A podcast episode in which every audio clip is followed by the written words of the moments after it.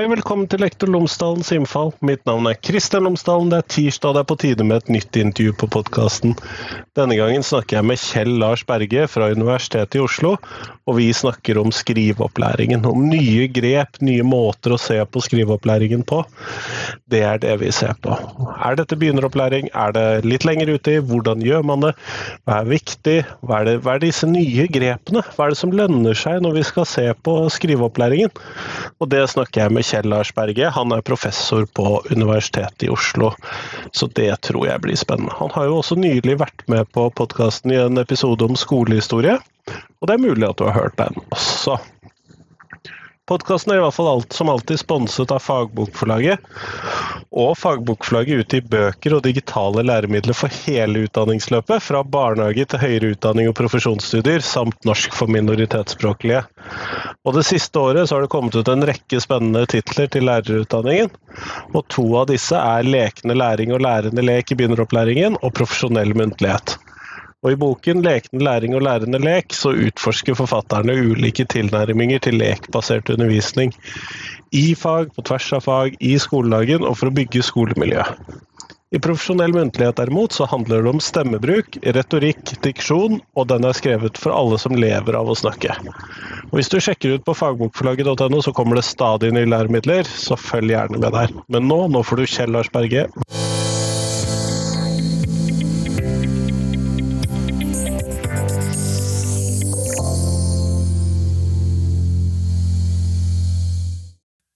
Kjell Lars Berge, tusen takk for at du kom tilbake på podkasten. Takk skal du ha. Hyggelig å være her. Igjen. du må også denne gangen presentere deg litt eh, til lytterne, i tilfelle de ikke har hørt den forrige episoden. Så hvis du kunne fortelle lytterne tre ting om deg selv, så ville det vært veldig fint. Ja. Nei, jeg, er, jeg, jobber på Universitetet i Oslo, jeg da, der jeg er professor i det som vi kaller tekstvitenskap. Dvs. Si jeg forsker mye på tekster i samfunnet ikke så mye på skjønnlitteratur, det overlater jeg til andre, men med fagtekster eh, i ulike sammenhenger. Da. Også historisk har jeg også interessert meg særlig for 1700-tallet og de skriftkulturene som ble utviklet da, da. Så har jeg også et rikt engasjement og interesse for skole og undervisningen der. Har vært aktiv i arbeidet med å etablere grunnleggende ferdigheter i Norge. Og særlig er jeg selvfølgelig interessert i skriving og skriveopplæring, for det er jo et spennende felt. Og studere. Men også, jeg vil også si det at det er utrolig spennende å samarbeide med lærere. Da, sånn at den forskninga som jeg og mine kolleger har drevet på, på skolen når det gjelder skriving, har vært et samarbeidende forskningsprosjekt, og ikke sånn at vi kikker på lærere og elever som de er objekter. Gjenstander som vi skal studere med lupe. Vi, er, vi liker, eller jeg har vært veldig mye med også og har hatt veldig mange kurs, veldig mange samarbeidsformer med ulike skoler og lærere, særlig her i Oslo-regionen. Ja, Det ville jo sett litt ille ut hvis du dyttet oss inn under et mikroskop. jo da, men, det er, men skal ikke tulle med det. Det er ganske utbredt eh, holdning i vitenskapsmiljøene, og ikke minst forventet tror jeg, politisk, at vi skal på en måte studere dere som om dere er gjenstander. altså Såkalt evidensbasert forskning, som jo er populært, ikke sant? særlig politisk, da, for vi vil jo ha resultater og effekter, ikke sant? vi vil måle ting. da. Det har jo en tendens til å se lærere og elever som gjenstander for prosjekter som skal testes, og så se effekten av. da. Så det, det, er en, det, er en, litt merkelig utvikling som eh, tvinger forskere på en måte å gjøre eh, noe som de kanskje ikke helt liker. Altså, det, det, tror jeg man skal være klar over, altså. Så, eh, men, eh, men, dette normprosjektet som jeg var med på å gjennomføre sammen med flere kolleger, særlig i Trondheim, da, det som denne boka vi skal snakke om i dag eh, på en måte viser fram, det var et prosjekt som vi i utgangspunktet la stor vekt på at vi skulle ha. Dette skulle være utviklingsprosjekter for skolen og lærerne også, i, tillegg til at vi kunne undersøke utviklingen. Da. Men å lage sånne prosjekter er ganske vanskelig, altså. Så så det er mye enklere å liksom gjøre dere til gjenstander for studier. og det skjønner jeg, og, men, og, du har jo allerede referert til det, men dagens tema er jo knyttet til en bok. og den Boken heter 'Nye grep om skriveopplæringa', og det er jo da begynneropplæringen kanskje mest at det er snakk om. Men da må jeg jo innrømme at jeg som ikke norsklærer og ikke barneskolelærer, ville jo umiddelbart tenke at kan vi ikke bare gjøre det sånn som mine lærere gjorde det på begynnelsen av 90-tallet? Ikke at jeg helt husker hva de gjorde for å lære meg språk, men kan vi ikke bare fortsette sånn som før? Men jeg er født i 57, vet du, så jeg veit hvordan man drev med skriveopplæring på 1960-tallet. og da, da, var jo skjønnskrift det store. vet Du Du skulle lære deg liksom alfabetet, og så skulle du skrive A på en linje, A på en linje, og så B på en linje, og så lagde du bord imellom. Det gjorde vi på 90-tallet òg. ja, nettopp. Og det var ikke noe skriving å snakke om. Vi skrev i hvert fall ikke tekster eh, før vi ble noe eldre. og sånn. Jeg kan huske at eh, de første egentlige tekstene jeg skrev som var litt omfattende, det var tror jeg husker sånn femte-sjette klasse. Da ble, som ble, det litt, da kunne jeg skrive særoppgave og sånn. Jeg skrev om Oland Helje, tror jeg. Av en eller annen grunn. Men, uh, men noe egentlig Eh, holdning til barn at de kunne skrive tekster fra første klasse, det, det var det ikke. altså. Sånn at eh, Det som jo eh, skiller den gamle og den nye tid når det gjelder skriveopplæring, er jo at vi nå starter i første klasse med at barn får lov til å formulere seg, ytre seg i tekster som har mening for dem, og, som er relevant for lesere. da.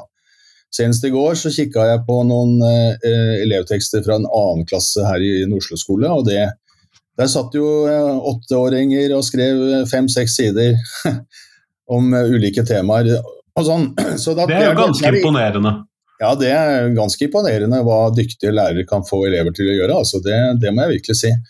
Det andre som jo er forskjellig også, det er jo at vi selvfølgelig skriver nå i alle fag. Altså Skriveopplæringa var i gamle dager liksom knytta snevert til norskfaget og veldig opptatt av fortelling. Man trodde det at uh, det som barn kunne klare, det var å fortelle en historie. ikke sant? Klassikeren er liksom hva opplevde du i sommerferien, skrive om det. Det er liksom det første du gjør når du kommer på skolen igjen. da. Men i dag så skriver de andre fag, sånn at i dag kan jo småunger på sju-åtte år sitte og skrive vitenskapelige rapporter, f.eks. Vi har jo eksempler på det. At barn har vært med på ulike typer av forsøk hvor de skal liksom prøve å utvikle hypoteser og teste hypoteser. Da. Det går fint an å få til det. Eh, og så skriver de rapporter og presenterer det, og hvorvidt hypotesen er falsifisert eller ikke. da. Så at eh, Det er skjedd veldig mye med endring, store endringer. Mer sånn funksjonell skriveopplæring. Da. Det som kanskje man kan si er svekket, da, det er det mange som er litt bekymra for. Det er jo to ting. da. Det ene er jo den liksom, skriveredskapet. Altså at man ikke lenger vektlegger i Eh, ensidig det å skrive med, med penn eller blyant. Da. Eh, jeg kan forresten huske når jeg eh, ble litt stor, jeg tror det var tredje 4. klasse, da fikk vi lov til å bruke fyllepenn. jeg kan huske at vi var nesten sånn at vi tok på oss finklærne for å dra bort på bokhandleren på Grorud for å kjøpe den fyllepennen. altså. Så Det var liksom en, det var sånn overgangsriten, nærmest som en konfirmasjon, en sånn skriftkulturell konfirmasjon. da. Jeg fikk min fyllepenn i dåpen, jeg bare nevner det. Der ser man, du var tidlig ute, vet du. Nei da, men så, så, det som, eh, det som, eh, det som Man sitter han skriver på testatur, og det er for så vidt greit, men det innebærer jo at eh, den skriftforming er betydelig lite mer, mindre, mindre vektlagt. Altså, det er mange barn som ikke lærer seg å skrive, bruke, altså utvikle et godt håndgrep og sånn når de skriver med blyant eller penn, eller som skriver så stygt at folk ikke kan lese det, eller ikke de selv kan lese det. da. I min tid så hadde vi jo et fag som het skjønnskrift. ikke sant? Vi satt jo der og holdt på med å skrive løkkeskrift eller formskrift. da. Så, så det, er, det, er, jo en svekkelse, kan du si, men det skal egentlig ikke svekkes i forhold til læreplanen. Men jeg tror ikke lærerne vektlegger det i samme grad som før. Det de vektlegger i dag, i hvert fall hvis de er opptatt av skriveopplæring, det er at elevene skriver og utvikler eh, evne til å ytre seg i tekster. Da. Skrive tekster som har et publikum, har en leser. altså. Og ikke minst har en faglig forankret eh, i læreplanen. Så de skal ikke bare skrive om fritida si og sommerdager og sånn, de skal også kunne skrive om ting de har lært i naturfag og andre fag. Da.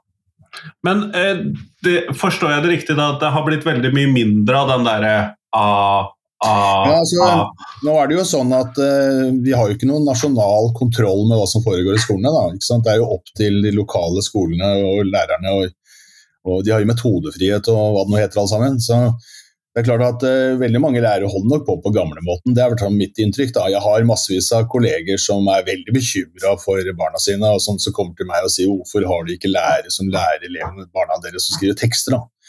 Så er, jeg, jeg, vil tro at I norske skoler i dag så er det veldig stor variasjon mellom eh, hvordan, i hvordan skriveopplæringen gjennomføres og kvaliteten på den. da.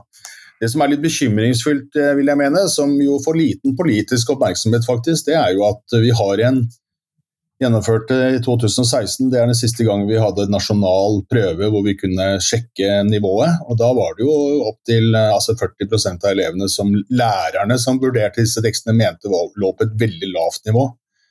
Så det er helt opplagt at det er mange elever som, eh, som ikke får særlig god skriveopplæring, og i hvert fall ikke lærer seg å ytre seg tekst på, på gode måter. Da.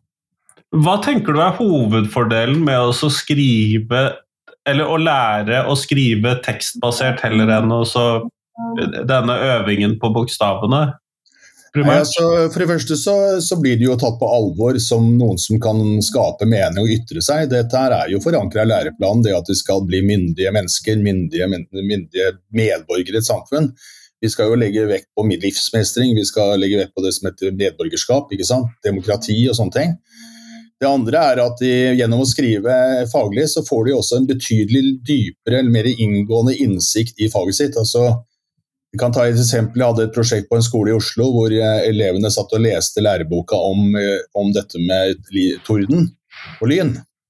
Og de skjønte jo ingenting. og Det var jo liksom to-tre linjer det sto der sånn, og det, læreren måtte jo tegne og forklare hvis de hele tatt skulle skjønne hva dette var for noe. Elektrisitet, hva er det for noe, liksom? Men, eh, men, eh, så sa jeg til læreren bare dropp læreboka og snakk om dette. og Så be elevene skrive seg gjennom dette og liksom utvikle forståelse gjennom å skrive. Og da kom forståelsen hos veldig mange. da. Og Det er jo undersøkt ganske grundig i kognitiv skriveforskning. altså at uh, Skriving er læring. altså Det er læringsstøttende undervisning å bruke skriving da. Det, det, vet vi jo alle sammen. ikke sant? Når du prøver å orientere deg etter evner, hvis du setter deg ned, så skjønner du ganske fort hva du ikke skjønner.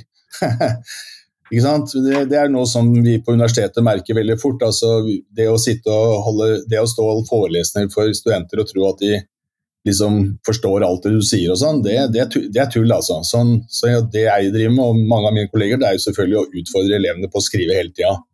Sånn at de må dokumentere forståelse. Mm. Så skriving er en veldig krevende kognitiv aktivitet, og det merker man jo også når man sitter og skriver, så blir man jo sliten og trøtt. man bruker jo mye sukker, ikke sant. Altså hodet vårt jobber. Så, så skriving har mange, mange, eh, effekter, men det er jo klart at det er vanskelig òg. Sånn at det å få elever til å motivere seg for å skrive eh, er ikke helt enkelt, altså. De skal jo, eh, de skal jo De må jobbe, altså. Og, eh, og, Derfor er det så viktig for å komme litt tilbake til det, at de blir tatt på alvor. altså At skriving er noe de opplever som meningsfylt. At, eh, at det, er som, det er noen som leser det de skriver og bryr seg om det de skriver. Da. Men også, eh, det kan jo være ganske krevende å skulle utforme disse tekstene, men jeg mistenker jo at du klarer som elev å stille bedre spørsmål om det du ikke forstår, også når du har sittet med dette? Ja, det kan jo ta som eksempel altså et, et, et, sånt pedagogisk grep som mange lærere tar, som jeg har erfart, hvert fall, det er at når de møtes, eh, møter elevene tidlig om morgenen, da kommer de sant, med veskene sine og setter seg ned, og så er det opp, setter seg ned med en gang, så skal de skrive 15 minutter. Hva lærte du i går? Ikke sant? Og Da blir det ro i klassen, og så må de tenke hva de lærte i går, og så er det opp med hånda og diskutere det. Så, så det, det, er et veldig effektiv måte. Det er effektivt på flere måter. Da. Det blir ro og orden. ikke sant? Nå, nå, skal vi lære noe, og, og, så begynner man å skrive, så trener man på skriving. Mengdetrening er viktig når det gjelder skriving. ikke sant? Og så får man også eh, bearbeidet det ved å samtale om det man har skrevet ned i klassen, så det blir noe sosialt i det også. da. Så, så det, det, der med å skrive, det er også veldig viktig at læreren er en leser, altså. Jeg kan jo nevne eh, Fra det prosjektet vi hadde, så hadde vi en, to svært veldig dyktige lærere på Vestlandet. Som vi oppdaget gjennom prosjektet, og de drev med noe de kalte krakkepedagogikk.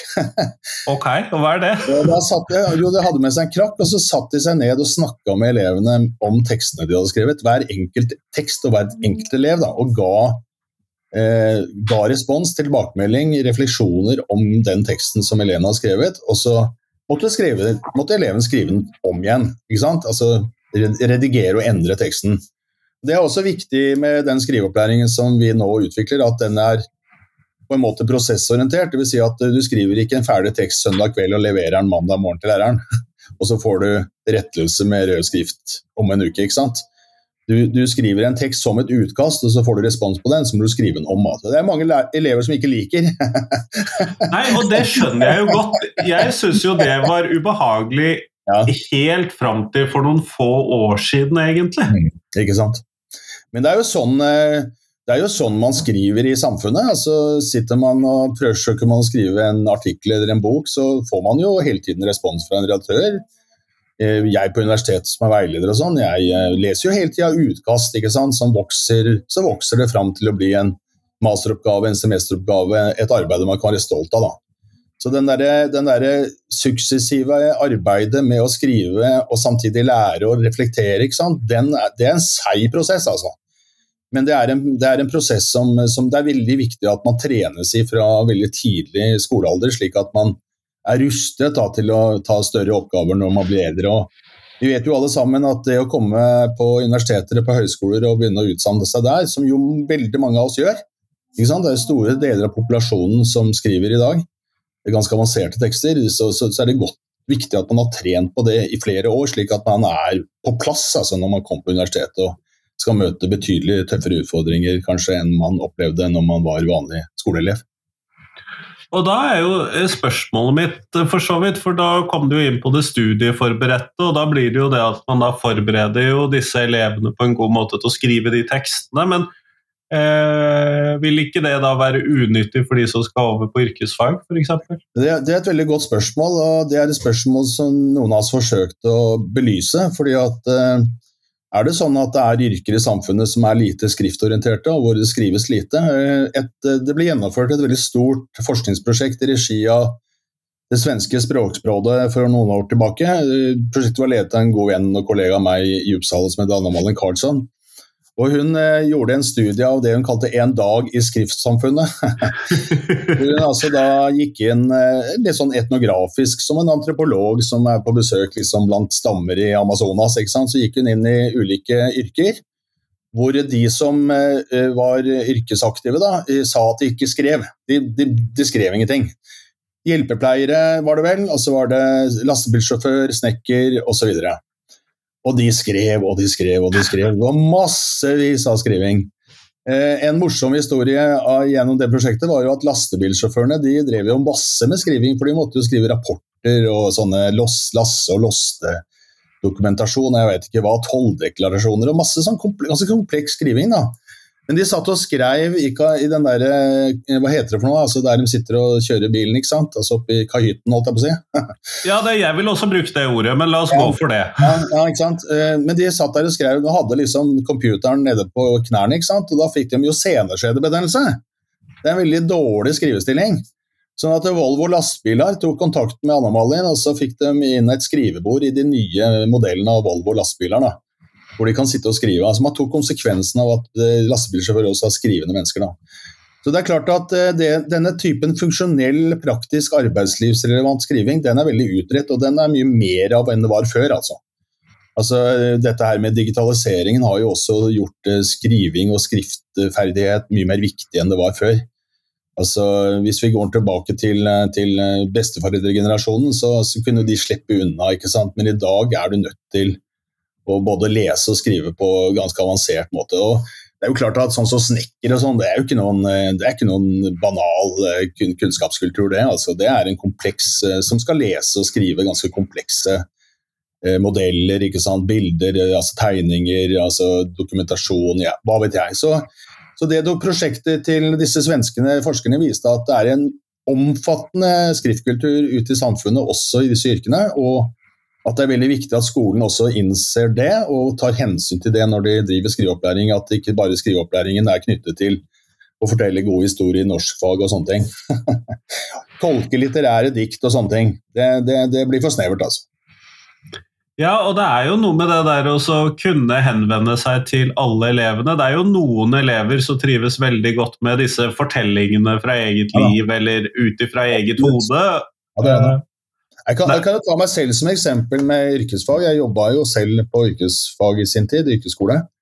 Det var før Hernes eh, nedbygde det yrkestradisjonen, vil jeg være ærlig å si. Gudmund Hernes, altså. Den reformen ja, ja. hans bidro til å ødelegge yrkesskolen på, på, på, en grunnleggende måte. Men da sto vi ganske fritt til å gjøre hva vi ville. og Jeg jobba på en stor yrkesskole her i Oslo, og jeg skjønte jo det at elevene ikke var noe glad i å skrive. da. Men, eh, så det jeg gjorde, var å samarbeide med yrkesfaglærerne om hva slags skriving som fantes i de fagene. Så da skrev de relevante tekster i fagene sine. Blant, for å si det, Et opplagt eksempel var sånn kokkene som jeg hadde. da, Veldig hyggelig gjeng, forresten. De, de skrev en kokebok. ikke sant? Og da ble, det, da, ble det, da ble, de motivert for å skrive, og de skjønte at hva skriving kunne brukes i deres fag på en relevant måte. Da, da blir det jo sånn ganske lange tekster. Er jo gæren? Utrolig. Bare se på kokebøker, det er jo blitt bestselgere, ikke sant. Det er jo blitt en egen litteratur, det er jo kokebøker. Sånn at, og kokkeyrket har jo fått en helt annen status enn det hadde for da jeg underviste disse typene. I dag er jo kokk kjendiser og sånn. ikke sant? Opptrer i podkaster og TV-program. og Vi sitter og ser og koser oss med dem. Så, sånn at eh, Statusen til kokkeyrket er økt betydelig. og Det betyr også at de, den skriftkulturen de representerer, er også veldig, veldig betydelig. Da. og Det er noe sånn man gir folk eh, hverandre bøker til jul. Det er eh, liksom gode kokebøker med illustrasjoner og beskrivelser av opplevelser med mat. Sånn, det er spennende. Sånn at det, eh, alt dette her, Hele samfunnet vårt er egentlig i økende grad blitt som vi sier skriftliggjort. altså. Og digitaliseringen som sagt, som jeg nevnte i stad, den har også bidratt til det. Vi sitter jo og skriver i vei på Facebook og Twitter og Instagram og jeg vet ikke hva. Bloggere har man drevet med og sånn videre. sånn at Sånn skriving og skriveverktøyet, det, det, det, er viktig at man eh, trenes i og trenes på. Men det er klart, en viktig diskusjon eh, for lærere og for skolen i all denne skriftligheten, da, det er hva skolen skal prioritere, selvfølgelig. Altså det, skolen kan ikke holde på med alt. Eh, skolen skal ikke holde på med Facebook-skriving. Det, det, får de drive med på privat, privaten. Men det er, viktig, det er viktig at skolen forstår at skriving er et tverrfaglig og et faglig forankret fenomen og at det er noe som alle lærere bør bry seg om. Altså. For eh, effekten av eh, skriving når det gjelder f.eks. For forståelse og læring, som vi snakket om, er betydelig. Altså. Det vet vi. Men hvis vi, Er det noen sånn negative sider med det at man da ikke driver så mye med den der repetative bokstavtreningen? Altså, det er klart det er mange som er bekymra, altså litt konservative folk kanskje. Det er ikke galt å være konservativ, av og til er det sunt. bare så det er sagt. Men eh, det er klart at eh, håndskriftkvaliteten er nok betydelig svekket altså, i yngre i nyere generasjoner. Jeg er ikke så veldig flink. Altså, jeg har jo skrevet på datamaskin siden 1986 og sånn. Så jeg klarer nesten ikke lenger å skrive med blyant, det må jeg faktisk innrømme. Og jeg skriver fryktelig stygt og skjønner nesten ikke selv hva jeg skriver. Og jeg er vel typisk, tror jeg, for eh, de yngre generasjonene. De, de sliter med håndskrift. da. Så det kan man jo spørre seg selv om det er bra. Eh, jeg har ikke noe klart svar på det. Eh, jeg vet at dette har vært gjenstand for en del studier. Man har sammenlignet det å skrive på computer versus å skrive med hånd. Om det har noen konsekvenser kognitivt f.eks. Det, det finnes jo ikke noe klart svar på det. Jeg tror at Man må tenke sånn at de supplerer hverandre, at man, begge, man trenger begge deler. Man trenger ferdigheter i å skrive med blyant og skrive på computer. Det er utrolig viktig å kunne skrive på et tastatur. og der, der, var det svikt i min generasjon. Jeg lærte aldri å skrive, bruke touch, f.eks. Som jeg mener at barn bør lære seg fra første klasse. fordi at Vi sitter jo på disse med tastaturet hele tiden, og det er viktig å skrive på en så man ikke får vondt i, i kroppen når man skriver. Altså Skriving er jo ikke bare intellektuelt og teoretisk, og sånn, det er jo et håndverk, rett og slett. Og et håndverk er jo kropp å bruke kroppen på hensiktsmessige måter og gjøre det, gjøre det design og slike ting. Det er viktig. Sånn.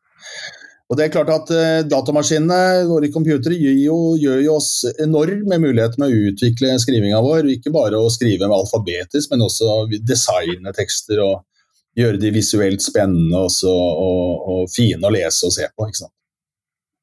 Kan ikke det bli litt for forstyrrende for disse yngste som når de skal lære seg denne skriveprosessen? Ja, nei. nei. altså det, Den, den forskninga som er på de yngste nå, nå nevnte du at vi, tar, vi tok begynneropplæringa i det prosjektet. Det er ikke helt riktig. altså Det vi tok, var tredje til femte klasse, og så femte til åttende klasse. altså like, altså etter at de har fått liksom den grunnleggende skrivekompetansen og fram til eh, femte trinn, og så mellomtrinnet fram til de begynte på ungdomsskolen. Det, det, var sånne perioder som var lite studert før vi satte i gang. Nettopp, skjønner jeg. Men, eh, men, eh, men de begynneropplæring har vært mye studert og der, der, har det vært gjennomført et veldig stort prosjekt nå i Norge som heter Funksjonell skriveopplæring for begynneropplæring. eller sånn, FUS kalt prosjektet det, det kjører på med, med design. Altså teg, ser tegninger f.eks. som protoskrift. Altså at ikke det er bare tegninger og noe som man ikke har mening, da. Men at det er protoskrift og på en måte kan supplere alfabetisk skrift. Det er klart Man må jo lære seg alfabetisk skrift, men, men det å supplere det med andre former for meningsbærende eh, skriving, tegninger, eh, designmessige kvaliteter, er, eh, er spennende å bruke, og barn elsker det. Men det er klart lærerne må ha en klar pedagogisk og læringsorientert forankring i forståelsen av hva dette skal være, så man ikke bare ser det som noe som hyggelig slappaktivitet som man kan drive med ved siden av. Det må være integrert i det å skrive alfabetisk. Da. Men det er klart at sånn som eh, Jeg har jo forska Så jeg skrev jo i sin tid en bok som heter 'Skolestilt som sjanger'. Da. Da, da, da, da, studerte jeg disse gamle artium-stilene, som vi kalte dem. Altså de stilene man skrev til artium, eksamen artium i norskfaget. Og de var jo helt sånn Det var bare alfabetisk skrift. ikke sant? Det var ikke overskrift, det var ikke avsnitt. ikke sant? Det var oppgaven som ble gitt, og så skrev du vei. Eh, de oppgavene der, sånn, Denne måten å skrive på den, eh, den, den var vedvarende fra 2000, 2500 år gammel skrivemåte. Det var den klassiske dannelsessjangeren som eh, man lærte i skoleretorikken. Det er veldig veldig fascinerende at den, den tradisjonen var eh, helt uavbrutt fram til ca. 1980-tallet. det er det som i retorikken kalles en krie. altså en sånn allmenn Da skulle du som vise at du var moden nok, som han sa, til å kunne behandle et litt abstrakt emne generelt. F.eks. Er det bra med fordeler og ulemper med, med demokratiet? ikke sant? Jeg må innrømme jeg hadde satt pris på en overskrift eller to inni en sånn tekst. Ja, ja da, men altså, det å, det å, lære seg å bruke overskrifter, ingresser ikke sant, og sånne ting, det er jo ting som er, ikke var vanlig før. Det, du må være ærlig og si at det lærte man ikke bort på skolen. Det fikk man lære seg hvis man skulle bli journalist eller skrivende menneske utafor skolen. Jo, men, og da hører jeg jo at jeg har kommet i en eller annen sånn mellomfase i min skriveopplæring med mye av denne A-bortoverpuggingen. Ja, ikke sant? Men med da mer overskrifter og mm. art, ulike sjangere og artikler osv. Ja, altså det begynte jo i Norge Norge har, vært veldig, Norge har faktisk vært veldig framtredende når det gjelder å utvikle forskning på skriving og utvikle ny skriveopplæring. Vi er faktisk et pionerland, altså. det må vi være litt stolte av. Eh, det starta egentlig i Trondheim på, på, et institutt som heter Anvendt språkvitenskap, som begynte å samarbeide med lærerutdanninga i Trondheim da, eh, om å utvikle skriving. Så Lars Evensen, som var professor der, han inviterte forskere og skrivelærere fra California, Berkeley, og så kom denne bølgen som vi kalte prosessorientert skriveopplæring, POS. Og det, det, spredde seg som ild i tørt gras på, på 80-tallet. Utrolig populært.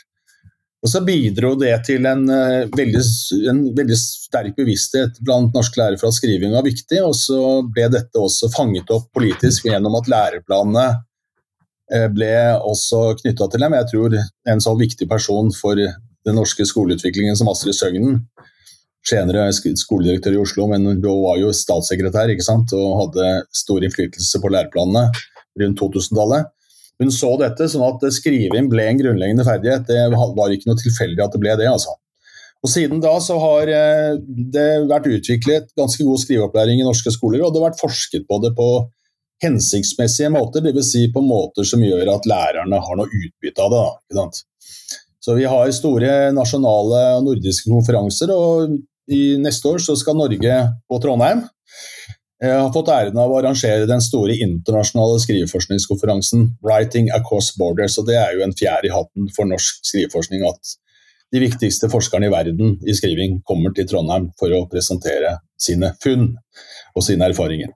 Så det har, skjedd, det har skjedd, veldig mye, men jeg må understreke, gjenta det. Altså, det vil jeg gjenta, det kan jeg gjenta gang på gang. at Det som er veldig spesielt i Norge, og som gjør at uh, det i mange tilfeller kan betraktes som en suksess, det er at eh, lærerne er tatt med på laget. ikke sant? Lærerne har vært med, altså lærerne blir respektert, man har tatt hensyn til og brydd seg om deres erfaringer som lærer i klasserommet. Da. Og det er klart, Hvis du skal drive med skriveforskning som skal få konsekvenser for skriveundervisninga i klasserom, så må du selvfølgelig skjønne og forstå eh, undervisning sett fra lærerens perspektiv i klasserommet. Det sier seg selv.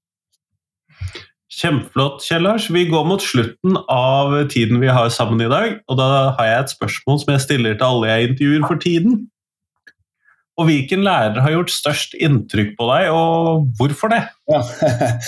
Jeg er en heldig mann. Ja. Så jeg har hatt mange dyktige lærere, jeg, som er veldig flotte folk alle sammen, eh, nesten. Jeg kan ikke huske en lærer som jeg husker med frykt.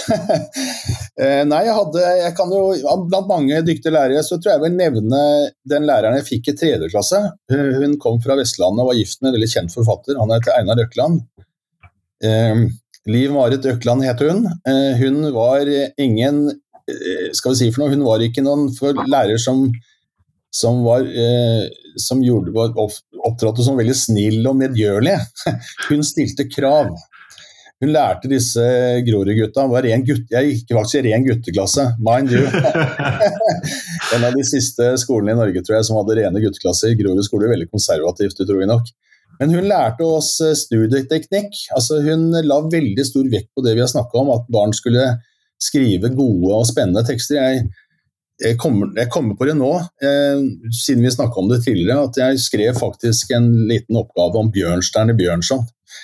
Og jeg tror jeg også skrev en liten tekst. Jeg har de faktisk liggende her nede i stua. Nei, på arbeidsrommet. Eh, også om Henrik Wergeland, som var veldig opptatt av, av, kvalitetslitteratur. Og Hun var veldig opptatt av at vi skulle lage kvalitetstekster. Da. Så hun brydde seg om oss og vår læring og utfordra oss. Det er klart at mange elevene i min klasse syntes nok hun var litt tøff i klypa. Men hun var også vennlig, da. Så jeg vil si at hun var en lærer som eh, satte spor i, i, hos meg, og som uh, sikkert bidro til at jeg fikk en bevissthet rundt dette med å lese og skrive som jeg kanskje ikke ville hatt hvis jeg ikke hadde henne. Hun var en dyktig lærer. Hun husker jeg med glede. Kjempeflott. Tusen takk for det, Kjell Lars. Takk selv.